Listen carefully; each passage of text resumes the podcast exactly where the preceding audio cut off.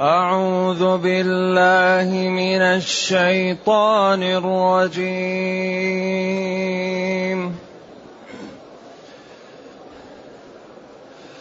قل للذين آمنوا يغفروا للذين لا يرجون أيام الله. ليجزي قوما بما كانوا يكسبون.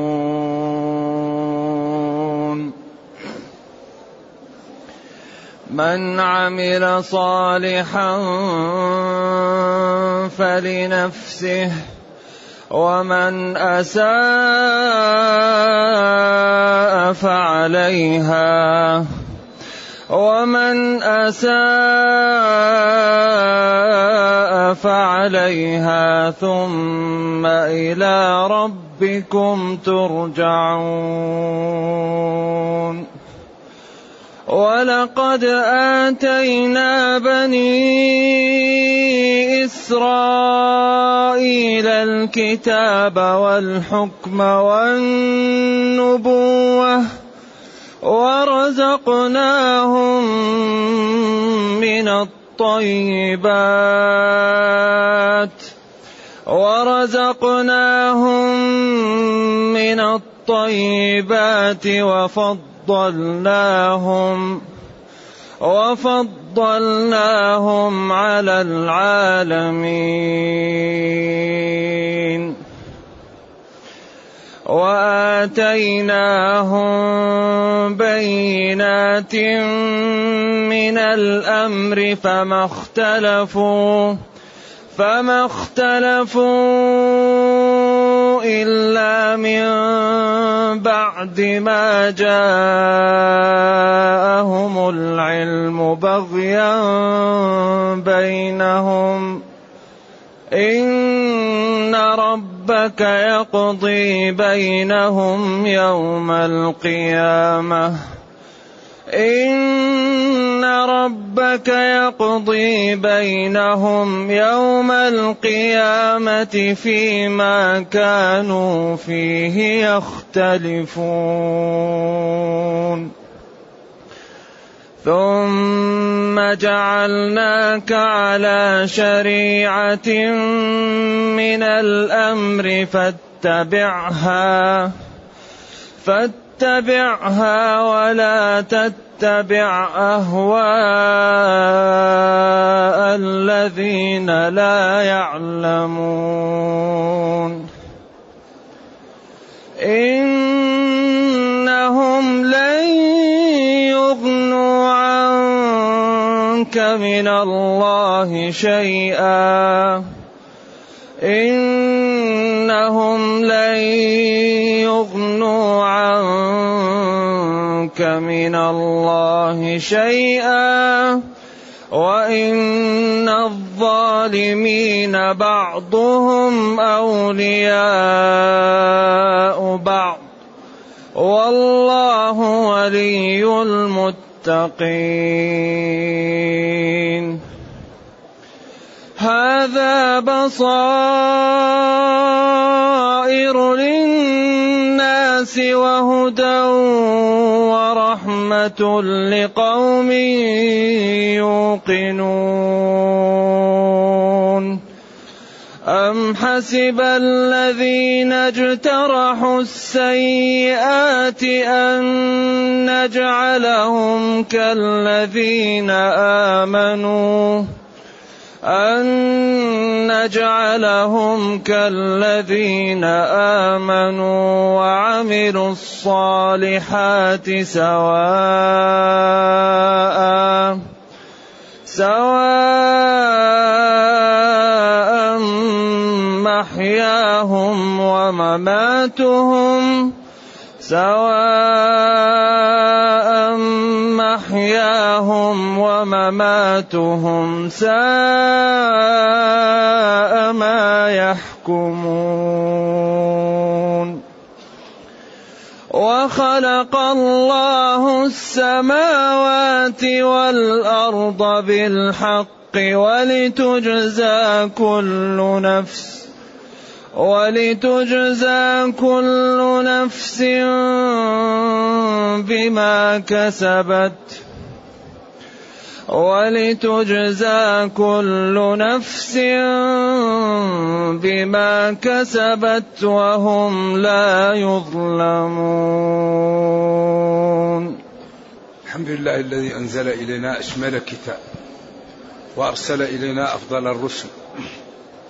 وجعلنا خير أمة أخرجت للناس.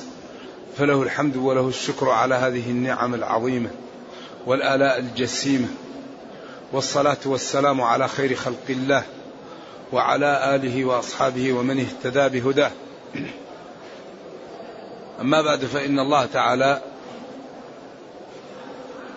يأمر المسلمين ويقول لنبيه قل يا نبي للذين آمنوا يغفروا للذين لا يرجون أيام الله.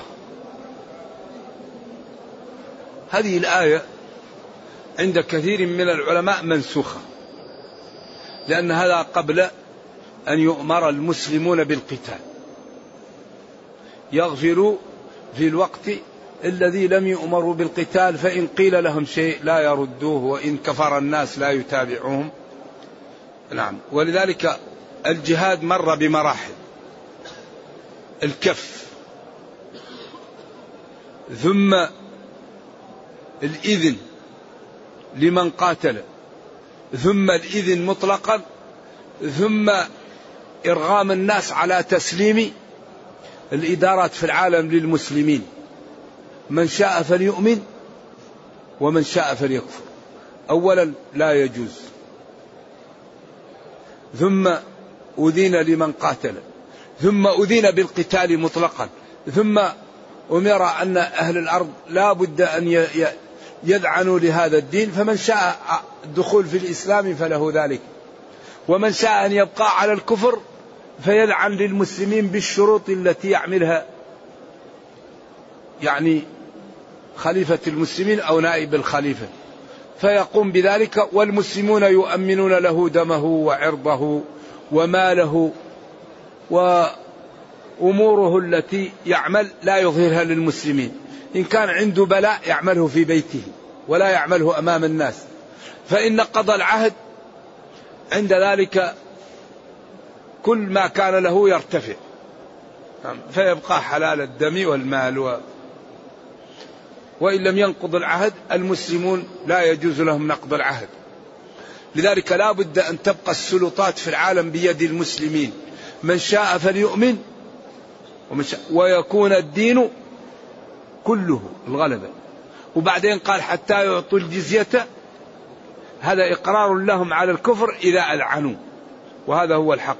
أما الذين يقولون إن الإسلام جاء لصد الهجوم غير صحيح والذين يقولون إن الإسلام جاء لإرغام الناس على الإسلام غير صحيح. لا الإسلام جاء ليبسط نفوذه على وجه الأرض من أراد الإسلام حياه الله ومن لم يرد الإسلام لا بد أن يلعن. لا بد أن يكون تحت سلطة الإسلام. لأن شرع الله هو الذي يصلح البشرية وهو الذي فيه العدالة. أما النظم الوضعية فهي عاجزة. عن أن تحل مشاكل الناس وقاصرة. فالذي يسعد البشرية نظام السماء. ولذلك قال لهم وأن احكم بينهم بما أنزل الله إن الحكم إلا لله ألم تر إلى الذين يزعمون أنهم آمنوا بما أنزل إليك وما أنزل من قبلك يريدون أن يتحاكموا إلى الطاغوت وقد أمروا أن يكفروا به. فكما أنه لا تجوز العباده إلا لله لا يجوز الحكم إلا لله. نعم ولذلك الذي يحكم القوانين الوضعية يرى أن الشريعة عاجزة وناقصة كافر بالإجماع. الذي يرى أن الشريعة لا تصلح للتطور الركب الحضاري وأنها متخلفة وأن الذي يصلح البشرية القوانين الوضعية كافر بالإجماع. لا خلاف في كفره لكن أما الذي يرى أن الشريعة هي الأصلح وأن هي الأولى ولكن يحكم النظم الوضعية كما أن القاضي قد يحكم بغير ما أنزل الله وهو يعلم حكم الله فهذا لا يكون كفرا ولا يكون ولكن معصية وكبيرة. ولذلك قاضيان في النار وقاض قاض عرف الحق وعمل به في الجنة. قاض حكم بغير علم في النار قاض عرف الحق وحكم بغيره في النار. ولذلك القاضي إذا حكم بغير شرع الله وهو يعلم أن شرع الله هو الحق لا يكفر. هذه معصية. ولذلك قال فأولئك هم الكافرون فأولئك هم الفاسقون الظالمون على الخلاف بين تنزيلاتها. قل للذين آمنوا يغفروا يتجاوزوا. عن الذين لا يرجون وقائع الله أيام الله ما أعده للمتقين وما أعده للمجرمين.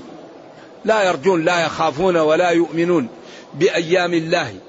إنها أيام على الكافرين عسيرة وإنها أيام على المتقين سعيدة.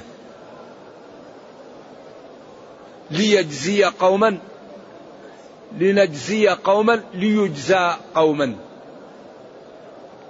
ليجزي الله قوما. لنجزي نحن الله.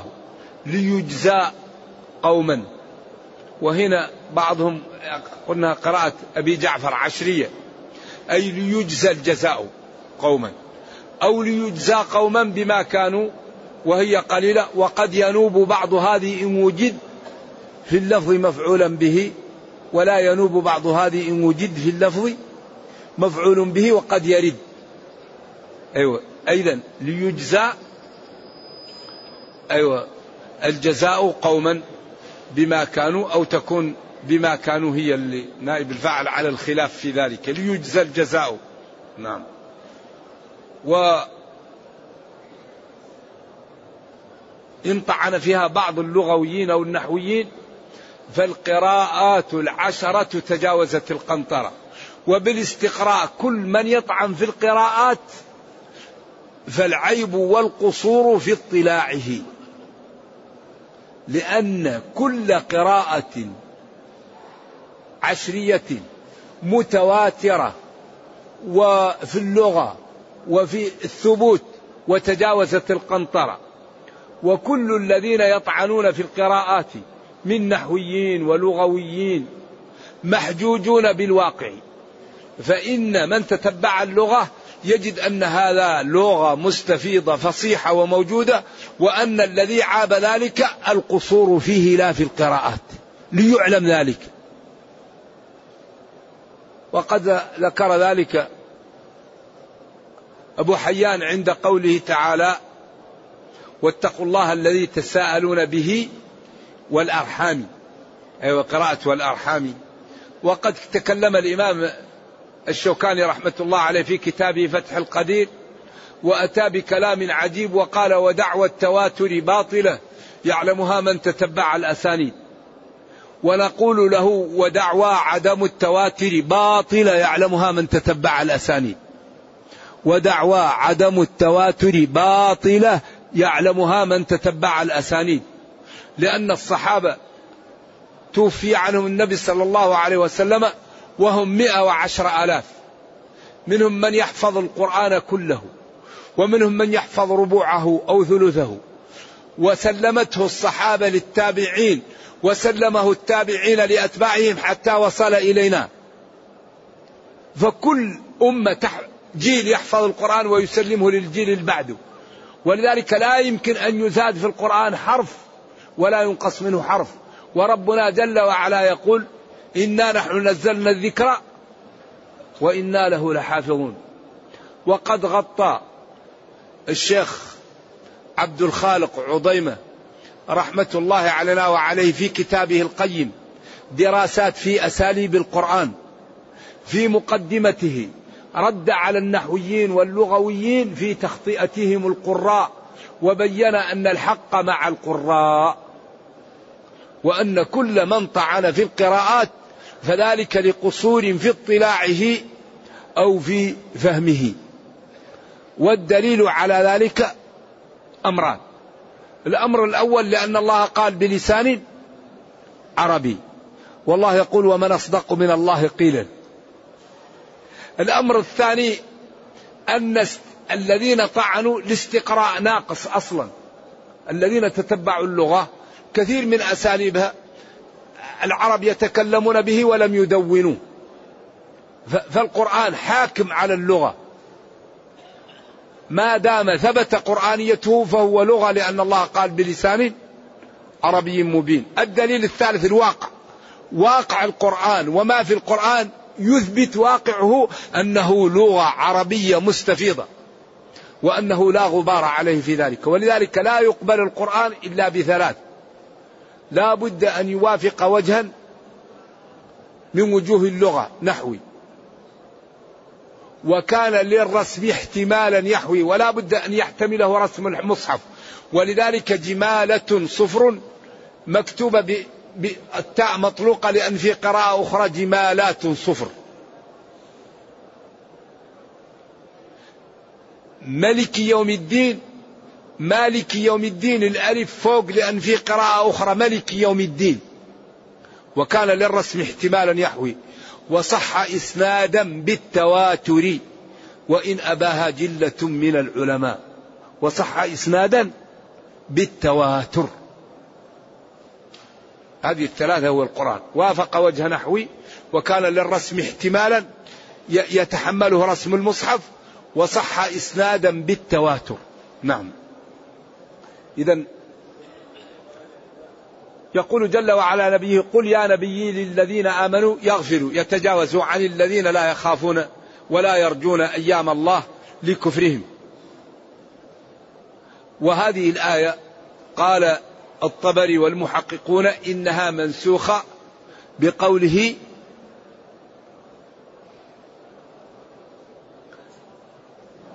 فإذا انسلخ الأشهر الحرم فاقتلوا المشركين. وأن أهل الأرض لا بد أن يدخلوا في الإسلام أو يذعنوا. نعم. بعدين قال من عمل صالحا فلنفسه ومن ساء فعليها. ثم إلى ربكم ترجعون. من عمل صالحا فنفع ذلك له. ومن أساء فضرر الإساءة عليه. ولذلك كل شاة معلقة برجلها. كل امرئ بما كسب رهين. ولا تزر وازرة وزر أخرى. لذلك عائشة ما استوعبت لما قالت إن الميت لا يعذب ببكاء أهله. قالت هذا لا يصح. لأن بكاء أهله ليس له فيه ما لا قالوا ولذلك أوله المحدثون قالوا يعذب ببكاء أهله إذا وصاهم بالبكاء أو علم أنهم ينوحون ولم ينهاهم أو أنه إذا سمع بكاءهم تألم لحزنهم عليه. فأول ذلك لأن لا تزر وازرة وزر أخرى. كل إنسان لا يؤاخذ بذنب غيره.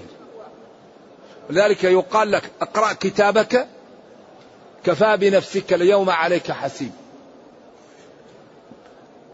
نعم. كتاب لا يغادر صغيرة ولا كبيرة إلا أحصاها. ووجدوا ما عملوا حاضرا. ولا يظلم ربك أحدا. إذا من عمل صالحا فلنفسه. ومن أساء فإساءته عليها. أي إنسان يعمل خير لنفسه. غض البصر كف اللسان عدم السماع للحرام عدم النطق بالحرام عدم النظر للحرام عدم المشي بالحرام عدم أكل الحرام لمس الحرام. عمل صالحا فلنفسه. ولذلك لا بد للمسلم أن يكابد الطاعات حتى يكون من المتقين. لا تنال التقى إلا بمكابدة الطاعات والمجاهدة. والذين جاهدوا فينا ما يمكن واحد يصبح عشية وضحاها تقي. لا بد أن تكابد الطاعة. حتى يقوى جذع الإيمان في القلب فيكون مثل هذا العمود. عند ذلك لا تغضب إلا لله ولا ترضى إلا لله. ولا تقم إلا لأجل الله ولا تقعد إلا لأجل الله فهناك يعزك الله ويحميك وينصرك ويدمر من يعاديك. لكن هذا لا ينال إلا بيش إلا, إلا بالمكابدة. ما يمكن واحد يكون تقيا وهو ينظر إلى الحرام وهو يغتاب الناس وهو يرابي وهو يظلم الضعاف يأذي جيرانه يعق والديه يضيع أولاده. لا يهتم بالمسلمين ولا بأمرهم. لا يمكن أن يكون شخص هذه حاله مليء بالتقى. لا.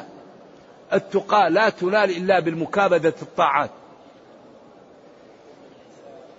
ومن أساء فإساءته على نفسه. وما ربك ثم يعني ترتيب هذا ترتيب آه، يعني رتبي. ثم إلى ربكم ترجعون. وهذه أعظم من كل شيء يعني. ثم إلى ربكم يوم القيامة ترجعون فيجازي كلا بعمله.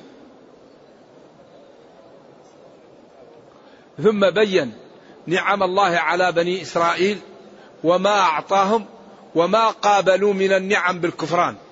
ولقد آتينا بني إسرائيل الكتاب التوراة والإنجيل والحكم الفهم والنبوة الأنبياء فيهم كثر ورزقناهم من الطيبات المن والسلوى وفضلناهم على عالمي زمانهم وآتيناهم دلالات وبينات من الأمور التي يحكمون بها ويميزون بها.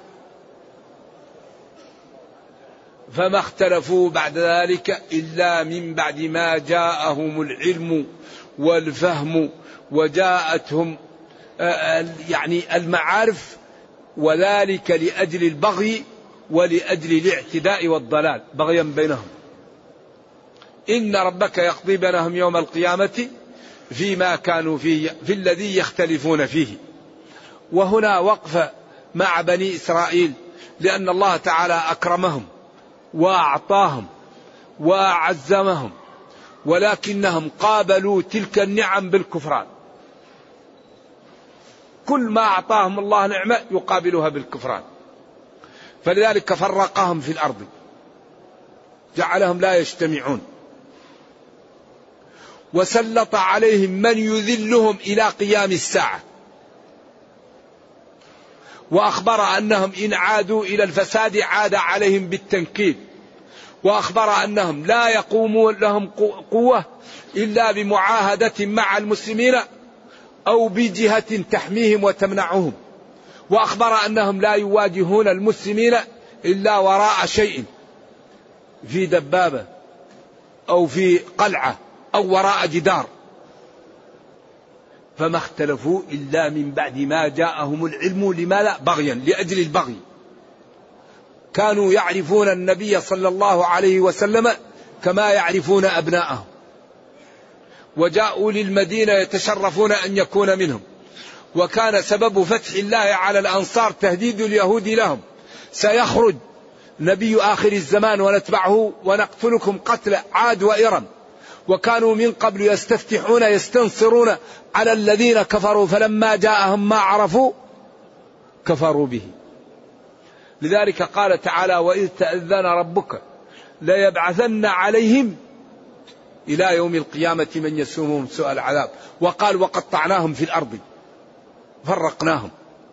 وقال وإن عدتم للإفساد عدنا عليكم بالتنكيل.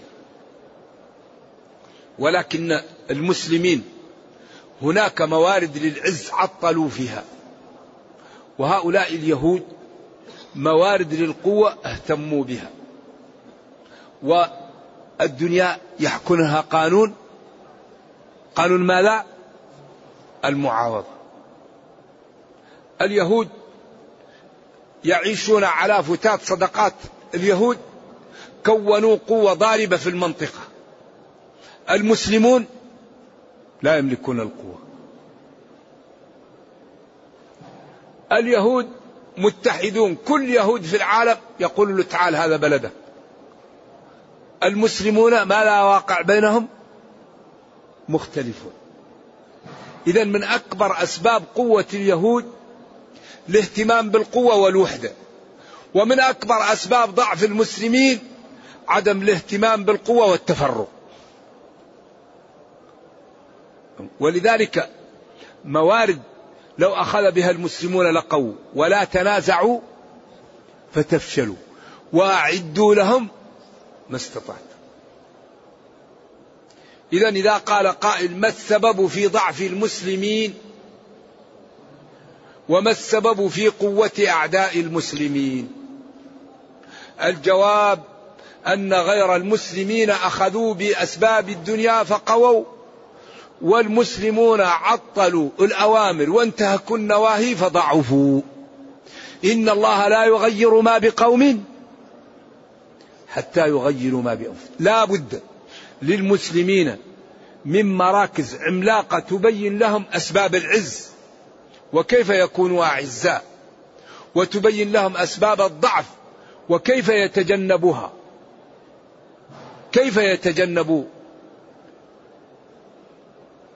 أسباب الضعف؟ ولذلك ربنا امتن علينا بالكتاب الذي هو تبيان لكل شيء. ما فرطنا في الكتاب من شيء. ونزلنا عليك الكتاب تبيانا لكل شيء. أي قضية مبينة في كتابنا. فأين المراكز للاستفادة من القرآن. في التربية والأخلاق والآداب والعلم والأخلاق وفي التعامل وفي التجارة وفي كل شيء. إن هذا الكتاب لا توجد قضية إلا وهو محلول فيه ومبينة. فحري بالأمة أن تعتني بكتابها. وأن تحل مشاكلها من الوحي الذي هو معصوم. كتابها آخر كتاب جاء من السماء ونبيها أفضل الأنبياء. فبأي حق تكون هذه الأمة في الخالف؟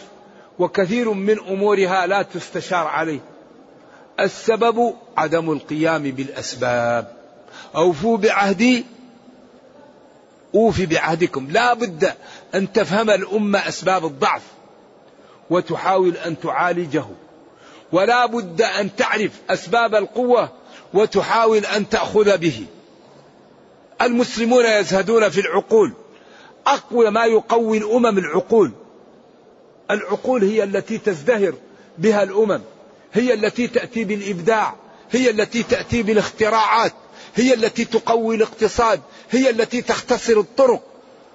ما رأيت شيئا أزهد فيه المسلمون من العقول. كل سنة العالم الإسلامي يصرف على التعليم العالي أربعة بلايين دولار. وتذهب إلى الغرب. الاستشارة. المسلمون لا يهتمون بالاستشارة. المسلمون في كثير من بلدانهم لا يهتمون بتطبيق النظام. إذا أسباب ضعف المسلمين أنهم لم يقوموا بالأسباب. أسباب قوة الغرب لماذا؟ قاموا بالأسباب اشتروا العقول اهتموا بالإبداع اهتموا بالعلم اهتموا بالمصانع اهتموا بالإنتاج اهتموا بالضعيف. فازدهروا لأخذهم بأسباب الازدهار. ولذلك لا بد للعقلاء أن يعرفوا بعض.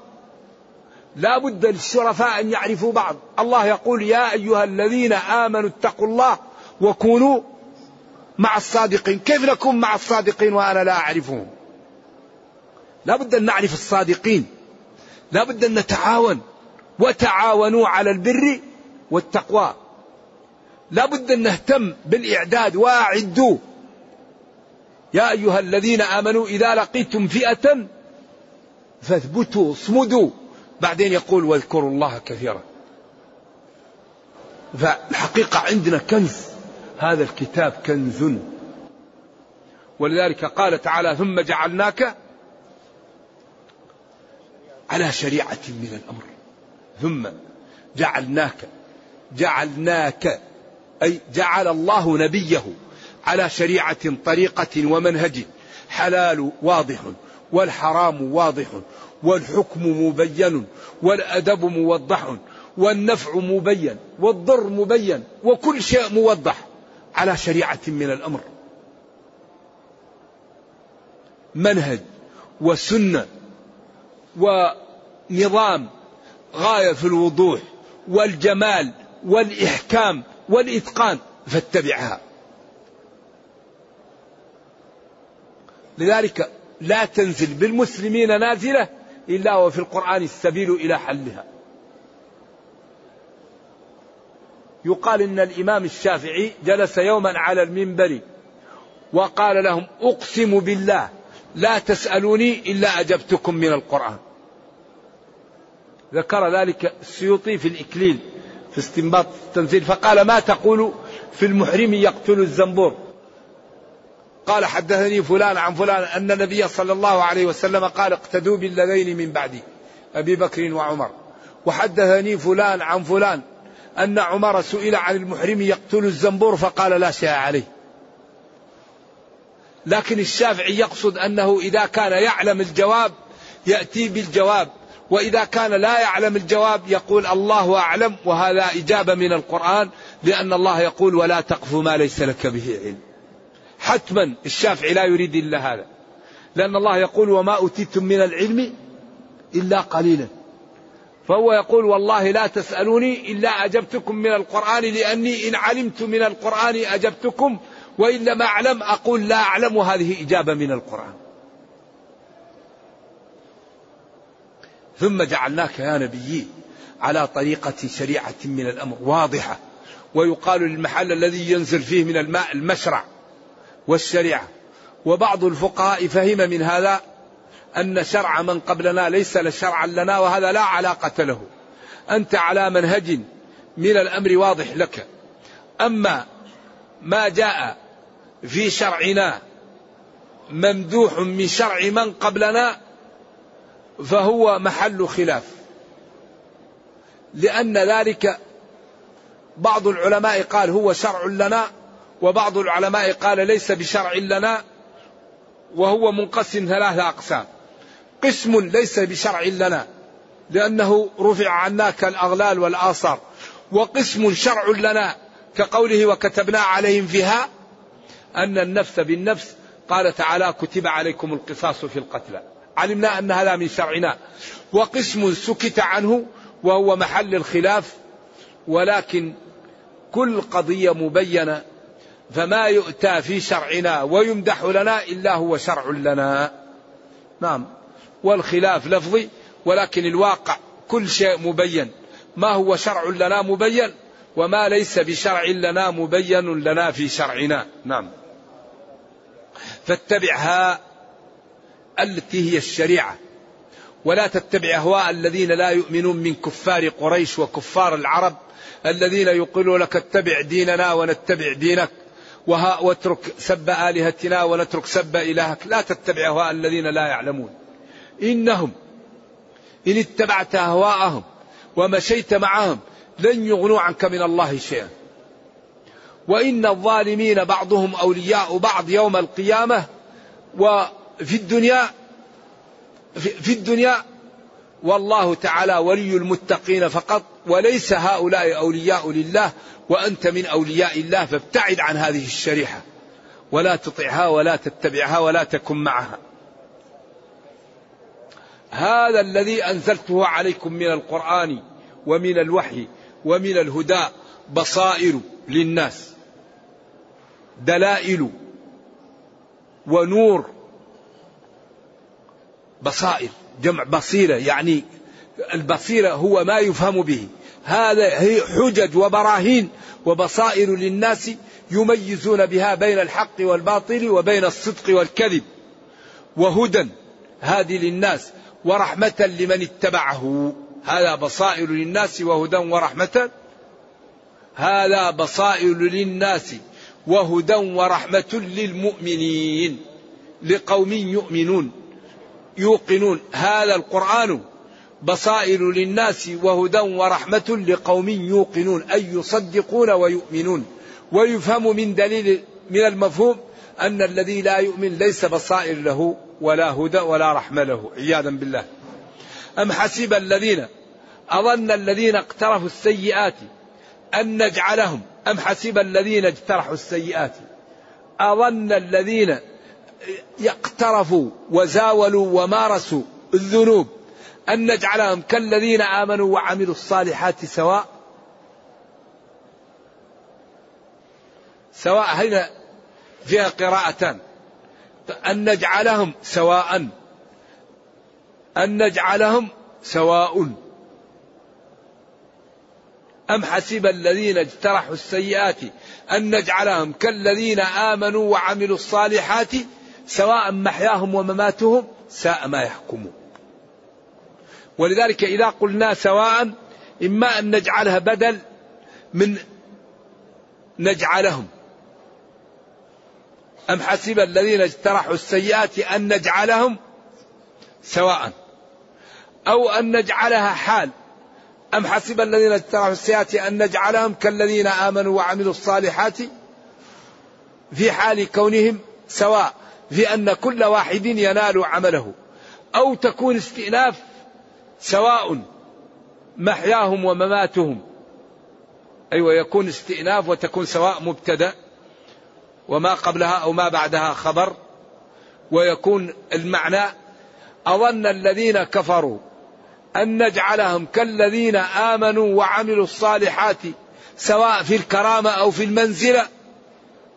لا لا نجعل الذين آمنوا وعملوا الصالحات سواء. أو أظن الذين كفروا أن نجعلهم سواء في أن الكافر كافر في الدنيا والآخرة والمسلم مسلم في الدنيا والآخرة. ولكن ليسوا بمستويين عندنا فإن المؤمن له الكرامة والمنزلة والكافر له العقوبة والإهانة. ثم لما بين وشرع وخوف بين قدرته بقوله وخلق الله السماوات والأرض بالحق. خلق الله. ولتجزى بما كسبت. خلق الله السماوات والأرض خلقا متلبسا ومصاحبا للحق وخلقها لتجزى كل نفس بما كسبت. كما قال خلق الموت والحياة ليبلوكم. خلقكم لتجزى كل نفس بما كسبت. وهذا هو الابتلاء. من عمل صالحا فلنفسه ومن اساء فعليها. خلقكم للابتلاء للجزاء. ولتجزى كل نفس بما كسبت. أي بالذي كسبت أو بكسبها. والحال أنهم لا ينقصون شيئا من أعمالهم فكل إنسان يوفى حقه كاملا. والحق أننا عندنا كنز ينبغي أن ننفق منه. هذا الكنز القرآن. وهو مبين في السنة. فحري بنا أن ننفق من هذا الكنز. إنفاقنا منه العمل به. إنفاقنا من هذا الكنز أن نعمل به. أن نتخلق بأخلاق أن نتأدب بآدابه. أن نعيشه في حياتنا. وفي هذا العصر أهم ما نقوم به أن يكون كل واحد منا قدوة. ما رأيت أنفع للإسلام وللمسلمين في هذا العصر من تمثل الإسلام. وما أريد أن أخالفكم إلى ما أنهاكم أتأمرون الناس بالبر وتنسون أنفسكم وأنتم تتلون الكتاب أفلا تعقلون؟ كبر مقتا عند الله أن تقولوا ما لا تفعلون. والحقيقة أن هذا الكتاب كل ما نحتاج إليه موجود فيه. فلماذا لا نهتم به؟ لماذا لا نحفظه؟ لماذا لا نحاول أن نحل مشاكلنا منه؟ لماذا أن, أن نعالج ضعفنا ومشاكلنا من كتاب ربنا؟ فإن ذلك يرضي الله عنا ويعزنا في دنيانا ويرحمنا في أخرانا. نرجو الله جل وعلا أن يرينا الحق حقا ويرزقنا اتباعه وأن يرينا الباطل باطلا ويرزقنا اجتنابه وأن لا يجعل الأمر ملتبسا علينا فنضل. اللهم ربنا أتنا في الدنيا حسنة وفي الآخرة حسنة وقنا عذاب النار. اللهم اختم بالسعادة آجالنا واقرم بالعافية غدونا وآصالنا واجعل إلى جنتك مصيرنا ومآلنا. سبحان ربك رب العزة عما يصفون وسلام على المرسلين والحمد لله رب العالمين وصلى الله وسلم وبارك على نبينا محمد وعلى آله وصحبه والسلام عليكم ورحمة الله وبركاته. الدعوة إلى الله واجبة على المسلمين ولكن إذا قام بها البعض سقطت عن الباقين. من رأى منكم منكرا فليغيره. فإن قام غيرك وغيره كفى عنك. فإن لم يقم يقم أحد من المسلمين بتغييره أثم المسلمون كلهم. وهذا خطورة فرض الكفايات. ولذلك مشاكل الأمة الآن سببها تضييع فروض الكفايات. أسباب ضعف الأمة الحاصل الآن سببه تضييع فروض الكفايات. هذا الذي ضعف الأمة وسبب لها الآثام هو تضييع فروض الكفايات. هذا هو الذي سبب للأمة كثير من المشاكل. نرجو الله أن يتوب عنا. هل إرضاع الكبير كان أمر خاص في الحديث؟ وهل إذا رضع رجل كبير أصبح محرما لمن رضع منها؟ الجمهور لا والوالدات يرضعن أولادهن. حولين كاملين. إنما الرضاعة من المجاعة. ولذلك أرضعيه تحرمي عليه. جلة من العلماء قالوا هذا قضية عين. لا تتعدى إلا من كان بمثله. فإن إرضاع الكبير يخفف الحرمة. ولكن الرضاعة من المجاعة. والوالدات يرضعن أولادهن حولين كاملين. فإن انتهى الحولين لم يبقى وقت للرضاع وهذا قول الجمهور والله تعالى أعلم.